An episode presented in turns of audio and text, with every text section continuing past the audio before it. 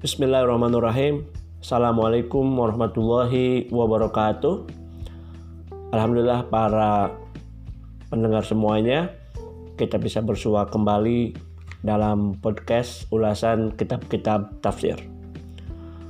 Dalam dua episode yang lalu, uh, kita berbincang tentang tafsir surat Al-Ma'arij ayat 1 sampai 7 Nah, yang mana dalam ayat tersebut uh, disampaikan bahwasanya ada segelintir orang atau dalam hal ini Nadir bin Haris seorang kafir Quraisy meminta uh, Nabi Muhammad SAW untuk uh, menurunkan azab ya, untuk meminta Allah menurunkan azab sehingga uh, dia bisa percaya bahwasanya ajaran yang dibawa oleh Allah Subhanahu wa taala oleh Rasulullah SAW itu benar adanya.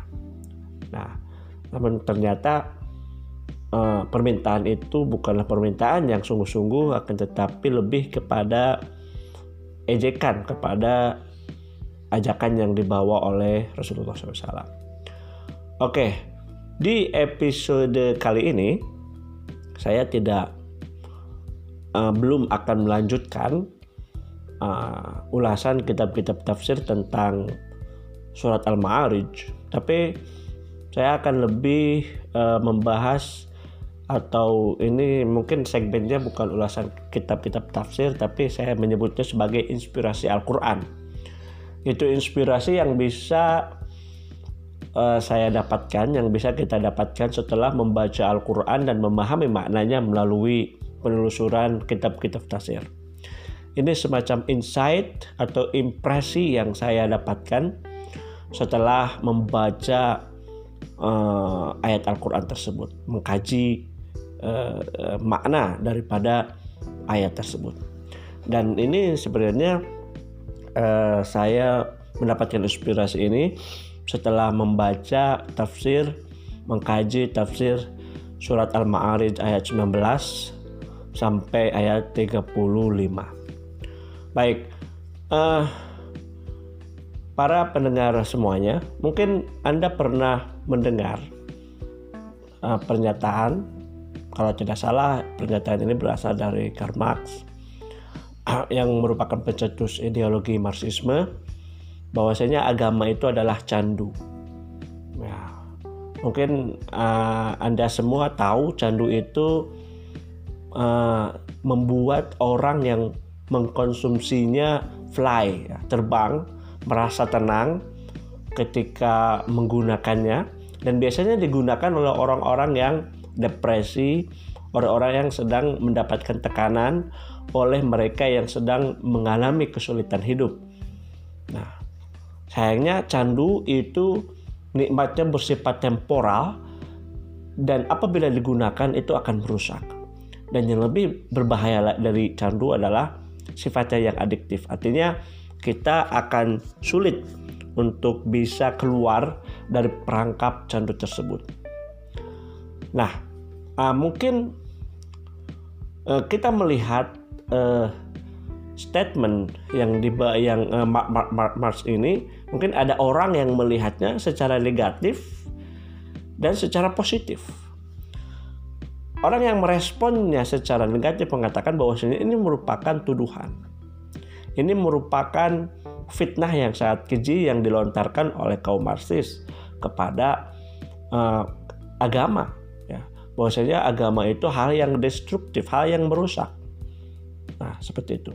Tapi saya pernah juga membaca pembelaan dari ya mereka yang masih tetap uh, mau beragama tapi juga uh, sangat tertarik dengan uh, ideologi Marxis ini. Mereka mengatakan bahwasanya ini semacam sebuah kritik terhadap orang-orang yang beragama yang menganggapnya sebagai candu. Nah, yang yang menjadikan agama itu sebagai candu yaitu hanya pelarian bagi mereka yang gagal dalam menghadapi kehidupan. Bagi mereka yang depresi, yang mengalami tekanan kehidupan sehingga agama itu dijadikan pelarian oleh uh, kaum agamawan tersebut. Baik, uh, kita tidak akan uh, apa memberikan kritik atau apa tentang pernyataan tersebut tapi di sini kita bisa membuat mengambil sebuah pijakan bahwasanya menurut pandangan saya ya setelah uh, mengkaji uh, apabila kita memahami Al-Qur'an kita bisa mengetahui atau kita bisa menyimpulkan bahwasanya agama itu adalah obat dari segala penyakit hati Ya, jadi kalau saya melihat agama itu syifa. Bahkan Al-Quran itu di nama lain daripada Al-Quran itu ada asyifa. Bukan hanya kita merasa tenang mendengarkan lantunan ayat suci Al-Quran bukan hanya itu saja tapi apabila kita mencoba untuk menggali maknanya mencoba untuk mungkin terminologi uh, Profesor Quraisy Shihab itu membumikan Al-Quran maka kita akan menemukan bahwasanya agama itu adalah syifa, obat dari segala penyakit, baik itu penyakit hati maupun penyakit badan. Ya, al-aqlus salim, fil jismi salim, kayak gitu. Uh, jadi uh, apa kesehatan fisik itu ditentukan juga oleh kesehatan mental dan saya kira agama itu memiliki peran penting dalam mental hygiene dalam kesehatan mental. Kenapa? Karena ya tadi ayat-ayat agama, ayat-ayat religious scripture itu mengandung panduan bagi para penganutnya bagaimana kita bisa menyelesaikan segala permasalahan hidup ini. Yang pertama itu adalah universal. Ya, saya lihat banyak sekali agama bukan hanya Islam itu memberikan panduan mental hygiene bagi eh, apa bagi eh, bagi siapa bagi para penganutnya agama Buddha, agama Hindu, agama Katolik, agama Kristen, dan tentunya agama Islam. Nah, mari kita eh, apa kaji bagaimana agama di sini dalam hal ini Islam itu memberikan panduan bagi penganutnya untuk uh, bisa hidup bahagia, untuk bisa hidup, uh, untuk bisa menggapai kesehatan mental. Baik, uh, Misalnya, sekarang kita mungkin di dunia modern ini uh, masalah finansial adalah masalah yang sebagai istilahnya common problem, permasalahan yang banyak dihadapi oleh um, masyarakat di dunia. Di beberapa uh, negara uh, itu permasalahan ini menjadi penyebab uh, tingginya angka bunuh diri. Angka bunuh diri. Karena penyebab mm, problem mental ini sehingga dia menjadi depresi sehingga depresi ini membuat dia bunuh diri. Ya kita tahu di Korea Selatan saya pernah uh, menonton video di uh, bahwasanya di Korea Selatan itu di samping kemajuan ya, kemajuan yang tinggi dalam bidang ekonomi dalam bidang finansial itu menghasilkan sebuah masyarakat yang konsumtif sehingga masyarakat konsumtif itu tidak dibandingkan dengan pemasukan yang cukup dan menghasilkan dia masuk dalam terangkap hutang. Ya. Uh, kalau dalam video tersebut saya melihat ada perangkap kartu kredit yang mana kartu kredit itu digunakan oleh orang-orang untuk bisa mengeluarkan hasrat konsumtifnya karena dia terus dicekcoki oleh advertisement advertisement ya oleh iklan-iklan yang mem, mem, apa membrainwash dia supaya bisa hidup uh, konsumtif. Dan tapi sayangnya tidak dibanding dengan finansial yang cukup. Sehingga apa? Sehingga mereka banyak yang terperangkap hutang dan akhirnya banyak yang bunuh diri. Itu dalam konteks Korea Selatan yang saya tonton dalam video di YouTube tersebut. Uh, nah dalam Islam, masalah finansial itu adalah masalah yang netral. Artinya, bisa jadi keadaan finansial seseorang itu membuat dia menjadi orang yang beriman dan bisa membuat dia menjadi orang kafir. Meskipun ada hadis yang mengatakan bahwasanya kefakiran itu lebih dekat kepada kekufuran. Ya. Kondisi fakir kita bisa membuat kita kufur.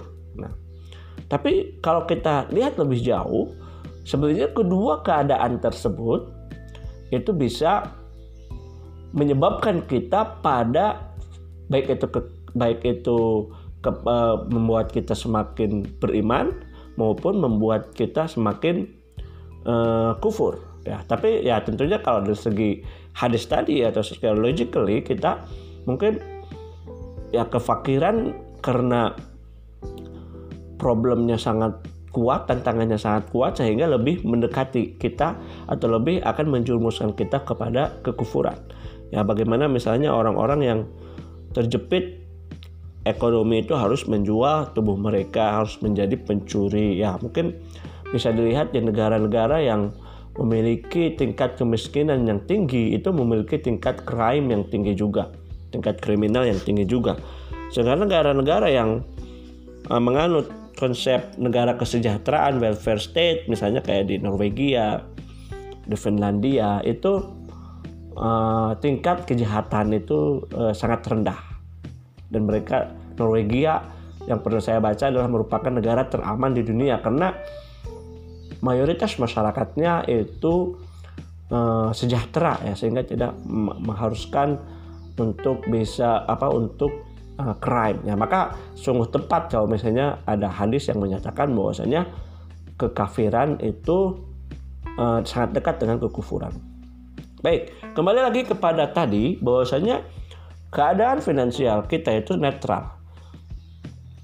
Miskin bisa membuat kita uh, gelisah, ya. bisa membuat kita sangat takut. Ya. Idza masahus syarru uh, jazua. Nah, jadi uh, apabila uh, apa seseorang ditimpa oleh kemiskinan, ya, oleh kekurangan, oleh sakit, oleh tekanan dan lain sebagainya, maka dia akan gelisah. Dia tidak mau percaya bahwasanya itu merupakan takdir dari Allah yang harus kita jalani, yang harus kita ridho atasnya. Salah satu keimanan, salah satu uh, poin daripada iman itu adalah al-iman, iman kepada kodok dan kodar, khairihi wa syarihi, yang baiknya atau yang buruknya. Nah, maka ya kemiskinan sering kali membuat dia miskin, eh, membuat dia gelisah, membuat dia uh, takut, membuat dia tidak menerima kodok dan kodar tidak menerima takdir. Nah, maka di sini kita bisa melihat miskin membuat dia jadi kafir. Akan tetapi kelapangan juga nah, itu bisa membuat orang jadi kafir. Bagaimana? Ketika dia diberikan kelapangan, diberikan kesehatan, diberikan kekayaan, diberikan harta yang sangat banyak, maka dia tidak mau manua, dia menjadi manu. Dia menyetop tidak mau menggunakan hartanya untuk berinfak, untuk membantu orang-orang yang membutuhkan untuk menggunakannya di jalan Allah. Manua, dia sangat rakus dan dia tidak mau memberi. Nah, di sini kita bisa melihat dua posisi tadi, keadaan finansial tadi itu bisa membawa seseorang ya, pada keadaan kafir. Sebaliknya, kedua keadaan tersebut juga bisa membuat semakin beriman kepada Allah Bagaimana ketika dia serba kekurangan, ketika dia uh, sakit, maka yang dilakukan adalah bersabar. Bersabar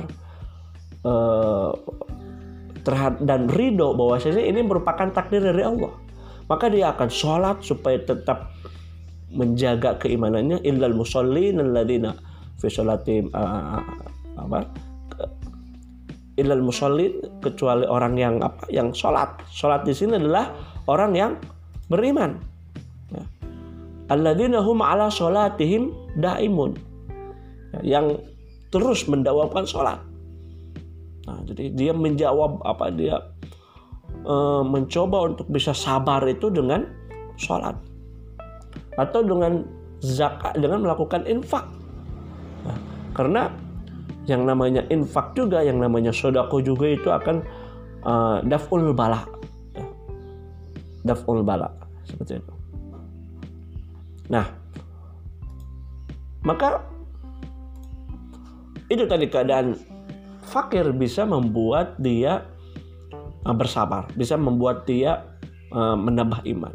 Begitu juga apalagi mungkin bisa mengatakan apalagi misalnya dia diberikan kelapangan dalam hidup maka dia bisa terus bersyukur bisa men menggunakan hartanya untuk uh, apa uh, di jalan Allah fi bisa menggunakan hartanya uh, di jalan Allah ya berinfak sedekah memberikan nafkah uh, dan lain sebagainya nah di sini kita bisa melihat bahwasanya agama itu bisa menjadi panduan bagi manusia untuk menyikapi dua keadaan tersebut, maka menurut saya agama itu bukan candu. Kalau candu mungkin hanya digunakan untuk pelarian saja. Pelarian bagi orang-orang yang eh, apa? Bagi orang-orang yang gagal dalam menghadapi hidup. Tapi sebenarnya agama tidak berperan seperti itu.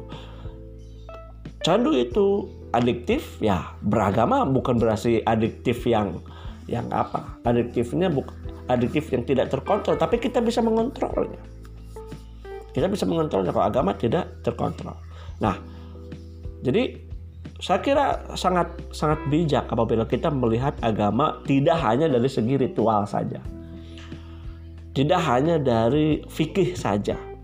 Tapi agama memiliki aspek akhlak agama memiliki aspek tasawuf setelah persyaratan fikih tersebut uh, di apa kita lakukan uh, sholat rukunnya yang benar terus uh, apa puasa uh, syarat-syaratnya dipenuhi rukunnya dipenuhi uh, apa uh, ya semua syariatnya semua hal yang berkaitan dengan fikih puasa itu dilaksanakan. Maka di sana ada aspek tasawuf ada aspek psikologis yang bisa kita uh, manfaatkan ya, yang bisa kita manfaatkan dari uh, kehidupan beragama. Ya, cara menjalani hidup yang sehat melalui agama dan ini sebenarnya bukan hanya monopoli agama ya, artinya apa artinya banyak yang di dibawa oleh manusia, banyak yang yang dipraktekkan oleh manusia untuk menjalani hidup ini. Bukan hanya agama, ya tentunya kita sebagai umat beriman harus memilih agama sebagai way of life.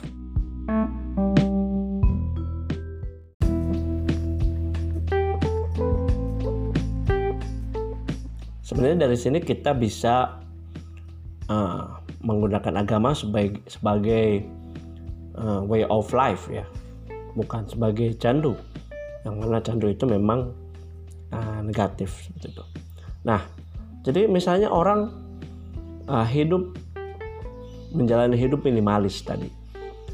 Dalam artian dia hanya membeli apa yang dia butuhkan dan ya kalau dia tidak butuh ya tidak usah membelinya.